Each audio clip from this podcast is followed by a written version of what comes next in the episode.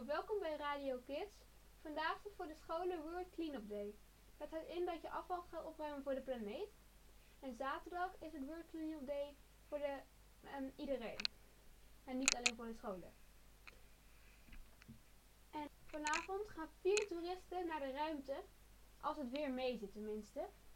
En de reis duurt al drie dagen.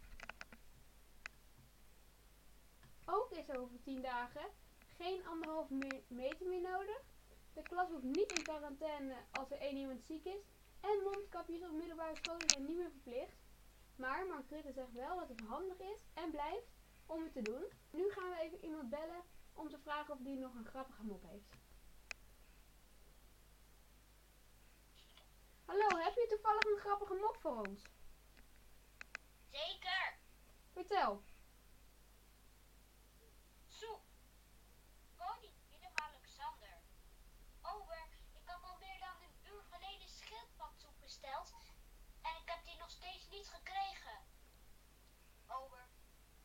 Ach, hoogheid. U weet toch hoe traag die beestjes zijn? Klaar. Goeie mop hoor. Doei. Bedankt. Nou, nu nog de mop van de dag. Twee oenen zitten op een bankje. Zegt de een tegen de ander. Als jij raadt hoeveel de snoepjes er in deze zak, in zakje zitten, dan mag jij ze alle drie hebben.